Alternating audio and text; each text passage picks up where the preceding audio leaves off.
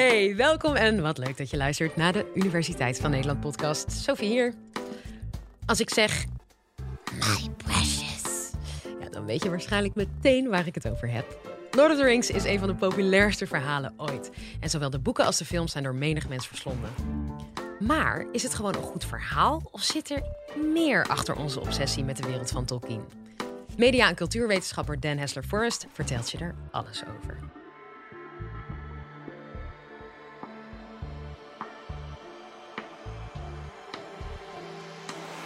Live vanuit Club Air is dit de Universiteit van Nederland. Hoeveel mensen hier hebben alle drie de Lord of the Rings films gezien? Uh, wie heeft ze twee keer gezien? Wie heeft ze vijf keer gezien en alle audiocommentaren geluisterd? Ja, kijk, ja, zie je? Ja, ik, uh, sorry, ja, ja, ik. Um, The Lord of the Rings, ja, ik zal niet vragen wie heeft er niet van gehoord, want iedereen heeft er toch op zijn minst van gehoord. de BBC deed in 2003 een enorm onderzoek bij het publiek naar de meest geliefde boeken in de Engelstalige traditie. En The Lord of the Rings eindigde moeiteloos bovenaan. Het was natuurlijk nadat de films ook net waren verschenen, dus hij had een tikje mee, maar goed. The Lord of the Rings is een van de grootste populaire fenomenen van de laatste 60 jaar. Wat maakt The Lord of the Rings nou zo populair? Niet alleen nu als Hollywood-fenomeen, als transmedia-experiment. Maar al vanaf de jaren 60 toen hij doorbrak. Mijn vader was een van die generatie Amerikaanse hippies die nou ja, in, die, in die enorme boost van populariteit in de jaren 60 de boeken kocht. Illegale pockets waren ze, uit, ze uitgebracht in Amerika. En toen ik 15 werd, toen gaf hij mij zijn hardcover edities van The Lord of the Rings en The Hobbit. Omdat ik tot dan toe alleen maar ook paperbacks had gelezen. Het was een soort van, bijna ritueel, een soort erfgoed. Um, ik had ze op dat moment al twee keer gelezen en sindsdien heb ik ze jarenlang elk jaar vast te prik heb ik de Lord of the Rings boeken nog een keer gelezen. En toen ik Engelse letterkunde ging studeren, toen, toen ergerde me dat Tolkien nergens werd gedoseerd. Dat het eigenlijk niet werd gezien als literatuur, maar als een soort ja, popculture. Een soort van kinderliteratuur eigenlijk, avonturenromans. En een van mijn eerste papers ging over hoe Arthur-legendes eigenlijk voortleeft. Eigenlijk een soort van, ja, dat hij toch ergens kon goedmaken. Het is heus wel echte cultuur of zo. Maar ik vond het heel moeilijk om uit te leggen waarom het voor mij zo belangrijk was. En heel veel mensen die hebben het over ja, de pracht van die wereld en de fantasie en een beetje het idee van escapisme, het verdwijnen in een andere wereld. Maar onderzoeken wijzen ook uit dat woorden die mensen vaak noemen, is ja, dat ze het erg, erg door geroerd zijn. Dat het heel veel, heel veel eigenlijk voor ze betekent. Dat de wereld van hobbits en orks en tovenaars veel meer is dan alleen maar spektakel en gekke fantasie en rare wezens. Die vraag, wat is nou datgene wat ons in verhalen trekt, is iets waar een andere hele grote denker in onze traditie, Sigmund Freud, antwoorden op probeerde te geven. Sigmund Freud, ik zeg die naam en mensen beginnen dan meteen vaak weer, ach jezus, Freud. Freud is een soort grap, en dat snap ik ook wel, want ja, zijn manier van psychoanalyse uitvoeren in de praktijk, ja, die is nogal, nogal wat vraagtekens opgeroepen. Maar één ding waar hij wel heel goed in is geweest, is in het uitleggen van de kracht van literatuur. Hij gebruikte literatuur eigenlijk als zijn belangrijkste bewijs. Hij zei, kijk, als je kijkt naar de geschiedenis, dan zie je dat bepaalde verhalen steeds opnieuw verteld worden. Verhalen zoals dat van Oedipus, over een man die uiteindelijk per ongeluk zijn vader vermoordt en met zijn moeder trouwt. En op het moment dat hij daarachter komt, zo ja, getraumatiseerd is dat hij zichzelf verblindt. Hij kan niet leven met de kennis, het zicht op het feit dat hij zoiets ergs heeft gedaan. En wat Freud introduceerde, wat met name een enorme invloed heeft gehad op alle vormen van 20e eeuwse cultuur, is het idee van het onbewuste. Het idee dat onze hersenen, ons, onze psyche eigenlijk, niet iets is wat rationeel werkt, wat 100% beheersbaar is. Ik denk, daarom ben ik, ik heb alles onder controle. Maar dat wij ook allerlei dingen doen zonder dat we weten waarom. Dat we neuroses hebben die ergens vandaan komen. Dat er een deel is van ons brein dat onderaards is, letterlijk onbewust en waar we ook niet bij komen. En dat ontstaat volgens Freud omdat er instincten zijn die wij hebben, dierlijke instincten eigenlijk, die in conflict komen met cultuur, met regels om ons heen. Dus naarmate we opgroeien, leren we om die instincten, moeten we wel leren om die instincten onder controle te houden. En dat zorgt ervoor dat die verdrukt in de verdrukking komen. En alles wat verdrukt wordt, dat mondt uit in het ontstaan van een onbewuste. Zo zou je eigenlijk ook naar verhalen kunnen bekijken. Aan de ene kant kun je zeggen, nou verhalen, schrijvers hebben eigenlijk op het moment dat die iets schrijven, als een kunstenaar iets maakt, dan is misschien wel de laatste persoon aan wie je moet vragen, wat betekent dit nou eigenlijk, is de maker zelf. Waarom heb je dat gemaakt? Ik weet het niet. Het kwam zomaar in me op.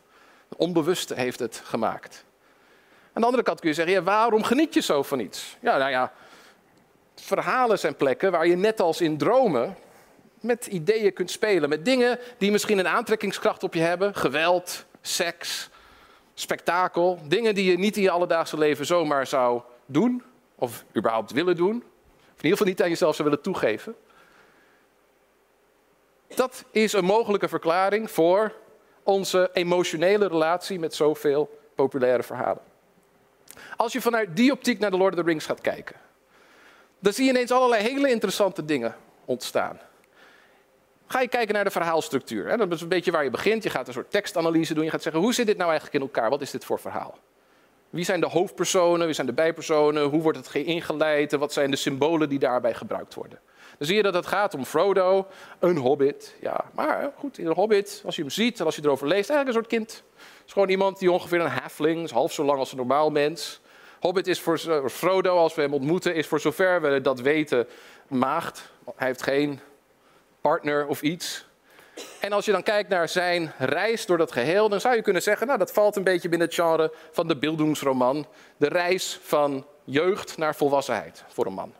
Dus die moet allerlei dingen doen om uiteindelijk te leren wat het betekent om man te worden. En om een man te worden heb je, niet alleen volgens Freud, maar volgens heel veel mensen, vaderfiguren nodig. Rolmodellen die jou iets leren over wat het betekent om vader te zijn. Maar daar ontstaat een probleem. En dat is een van die fascinerende tegenstrijdigheden waar Freud op wijst. Je vader is niet alleen je rolmodel, maar je vader is ook eigenlijk je concurrent. Je vader is namelijk degene die jou kan straffen. Heel veel van die theorie komt voort uit het idee van castratieangst. Het idee dat jongens, een piemeltje, en meisjes niet. Die denken dan, dit is een soort idee over hele vroege kinderpsychologie. Die denken dat meisje, dat had misschien ooit een piemeltje, maar dat is misschien weggenomen. Dat is, is gestraft, ze mist het iets. En ik wil niet dat het mij overkomt. Dus jongetjes zijn eigenlijk altijd bang om door hun vader gestraft te worden. Hè, bang voor een soort van castratiecomplex. En dat klinkt allemaal heel flauw en daar groei je natuurlijk heus wel overheen. Maar dat verplaatst zich naar een symbolisch vlak. Het verplaatst zich, en dat zie je met name in verhalen. In verhalen zie je, het gaat nooit over piemels, het gaat over zwaarden en grote lange staffen en allerlei torens. Allerlei dingen die een beetje de vorm van een penisachtig object hebben. Die macht met zich meebrengen. Die macht in een patriarchaal systeem. De macht van de vader uitdragen. En als je dan naar de Lord of the Rings gaat kijken, dan vallen een aantal dingen meteen op. Dan zie je ten eerste, in dat verhaal wordt Frodo, die wordt bijna omsingeld door allerlei vaderfiguren. Het is er niet één, het zijn er echt een heleboel. De eerste die je tegenkomt is Bilbo, zijn oom, die hem onder zijn vleugel heeft genomen in, ja, in die grot, een beetje een baarmoederachtige heuvel waar hij in woont, waar hij vandaan moet komen. Bilbo die hem een aantal dingen leert, maar die ook niet helemaal te vertrouwen is. Hij kan zijn, zijn ja, zijn, uh, uh, zijn driften eigenlijk niet goed onder controle houden. Hij wil steeds die ring opdoen als een soort trucje. Is niet echt een heel betrouwbare vader. Gandalf is de volgende vader die zich aandient. Een wijze man, oh, een grote staf, wijze man, die Frodo onder zijn vleugel neemt en hem uitlegt hoe het werkt in de wereld. En hem op pad helpt. En natuurlijk, op het moment dat het echt crisis wordt, komt te overlijden, want de vader moet altijd plaatsmaken, zodat er ruimte ontstaat voor de jongen om die rol op zich te nemen. Hij wordt later natuurlijk, komt hij terug. Elrond is de volgende, een soort raadsheer. Iemand die emotieloos, een elf, die emotieloos gewoon simpelweg kan zeggen hoe de regels werken en wat hij het beste kan doen. Geen vaderlijkheid, eigenlijk geen warmte, maar een intellect. Iemand die intellectueel gezien Frodo kan uitleggen hoe de dingen werken. Aragorn, het toonbeeld van mannelijkheid. Mannelijkheid die een echt rolmodel geeft voor Frodo om te volgen, maar ook één dat nooit verwezenlijkbaar is. Frodo zal nooit zo'n man worden als Aragorn. En dan kan je ook nog zeggen, van, ja, er zijn vaderfiguren die een slecht voorbeeld geven. De perverse vader, de slechte vader of de slechte opa. Saruman bijvoorbeeld is iemand die misbruik maakt van zijn vaderlijke positie in die toren van Isengard. En nog erger, Sauron. Uiteindelijk degene wiens ring is afgepakt en bij Frodo terecht is gekomen en die hij koste wat kost moet zien te vernietigen. Allemaal vaderfiguren om die arme Frodo heen, die hem verschillende keuzes geven, verschillende keuzemomenten die hem in zijn beeld doen, in zijn ontwikkeling van jongen tot volwassene, kunnen helpen en sturen. En er gebeurt wat grappigs, want na, aan het eind van het eerste boek verdwijnen de meeste van die vaderfiguren eigenlijk uit zijn directe omgeving en moet Frodo het natuurlijk, zoals in zo'n verhaal hoort, in zijn eentje zien te redden. En dan vindt een interessante afsplitsing plaats, die een, eigenlijk een weerspiegeling is van hoe Freud de werking van ons, de innerlijke werking van onze hersenen uitlegde. Hij zei, eigenlijk zijn we allemaal met z'n drieën. Je hebt het ego, dat is je eigen zelfbeeld. Dat is wie jij denkt dat jij bent. Maar je hebt ook het it. Het it, of het S in het Duits, dat is eigenlijk jouw meest primitieve instinct. Dat wil gewoon direct bevredigd worden. Als een klein kind zegt, ja maar ik wil het nu, en er valt niet te onderhandelen, dat is het it wat spreekt. En er is het superego, wat een soort projectie is van jouw idee van hoe het eigenlijk zou moeten. Een deel van de vaderlijke rol eigenlijk. En die drie dingen zitten allemaal in ons, volgens Freud, en die zijn in een continu conflict bezig. Het idee is om je it eigenlijk onder controle te krijgen, maar het is nooit een strijd die helemaal beslecht kan worden. Behalve als je in een verhaal van Tolkien leeft natuurlijk, want daar kun je dat ook dramatisch laten zien. Dan kun je laten zien dat zijn niet onderdelen van iemands interne brein, dat zijn echt figuren op het scherm.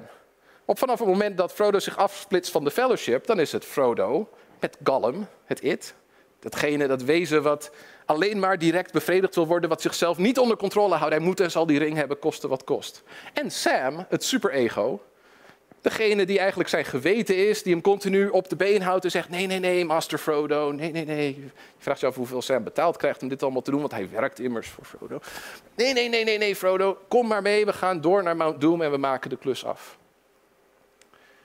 En uiteindelijk zien we, en sorry voor degene die Lord of die kennen, een beetje spoilerachtig, maar dat het it vernietigd moet worden, die drijf, die zucht om uiteindelijk uh, jezelf te bevredigen, die moet afgestraft worden en het superego moet uiteindelijk overwinnen. Je projectie van een ideale zelf.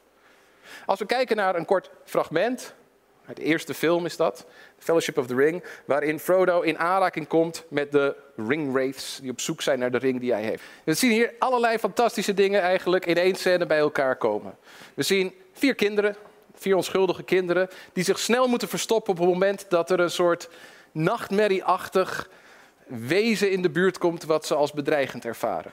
En voor Freud zijn alle dingen die wij als bedreigend ervaren, dingen die we snel weg moeten stoppen, die we onder de oppervlakte moeten duwen. En wat zien we hier gebeuren? We zien juist die dingen die onder de oppervlakte leven, die onzichtbare dingen, allemaal beestjes en zo, die komen ineens naar boven. En ineens ontstaat er in Frodo een overweldigend verlangen om een vinger in een ring te steken. En op het allerlaatste moment, als je denkt de Freudiaanse symboliek, alles wat enigszins penisvormig is, is een soort vallensymbool. Alles wat rond en, open is, is een soort vagina. Is, ineens denk je, wacht even, wat gebeurt hier precies? En het superego grijpt op het laatste moment, stop, weg, weg ermee. Wat was dat? En continu zien we dan dat, dat het, verlangen, het verlangen van een tienerjongen om iets te doen, iets te doen wat niet mag, dat het steeds moeilijker wordt om dat te beheersen. Wat is dan de oplossing volgens Tolkien? Ja, het rolmodel van Aragorn, het katholieke, de terugkeer van de koning, de reïncarnatie van de echte goddelijke macht, die dankzij het hermaken van zijn enorm lange zwaard, het is bijna komisch hoe groot zijn zwaard is, dat hem in staat stelt om terug te keren als koning en zijn positie te claimen, dat dat gebruikt moet worden om aan de ene kant die ring, het symbool van ja, het huwelijk aan de ene kant, vrouwelijkheid kun je zeggen, om dat te vernietigen. Er zijn verdacht weinig vrouwen te zien überhaupt in Tolkien. En om datgene, de verbeelding van Sauron, wat je hier ziet, waarvan je zegt, ja, het is een oog, maar het is ook een grote vlammende vagina bovenop die toren. Het oog, het oog dat inzicht geeft in jouw verborgen verlangen. Het oog dat ziet wat Frodo werkelijk wil. Moet kosten wat kost vernietigd worden. En dan ga je kijken naar The Lord of the Rings als een soort beeldingsroman dat echt ergens over gaat. Wat niet alleen maar een soort vlucht is in de fantasie, maar waardoor als je die vraag gaat stellen, waarom is het niet alleen zo populair, maar waarom is het met name zo populair bij tienerjongens, zoals ik zelf toen de tijd, die niet weten waarom het ze zo raakt, maar die een vorm geeft waarbinnen je zonder direct traumatisch verlangen in de ogen te hoeven kijken, waarmee je er toch een beetje mee om kan gaan. Dat is een theorie. Een theorie over een manier waarop je verhalen kunt lezen en interpreteren. Het is ook een soort spelletje. waarbij je kan zeggen van nou, wat voor betekenissen kun je hier op deze manier uithalen. Als je vanuit een marxistische visie naar Tolkien zou kijken, dan krijg je natuurlijk hele andere resultaten. Maar verhalen werken in die zin als dromen. Je haalt er betekenissen uit die verder gaan dan alleen de letterlijke oppervlakte die er is. Dat was hem weer. Ik hoop dat je ervan genoten hebt. Iedere week uploaden we twee nieuwe podcasts op ons kanaal. Dus check vooral even onze hele playlist. Mijn naam is Sophie Frankmolen en graag tot de volgende keer, want dan gaan we het hebben over nachtmerries.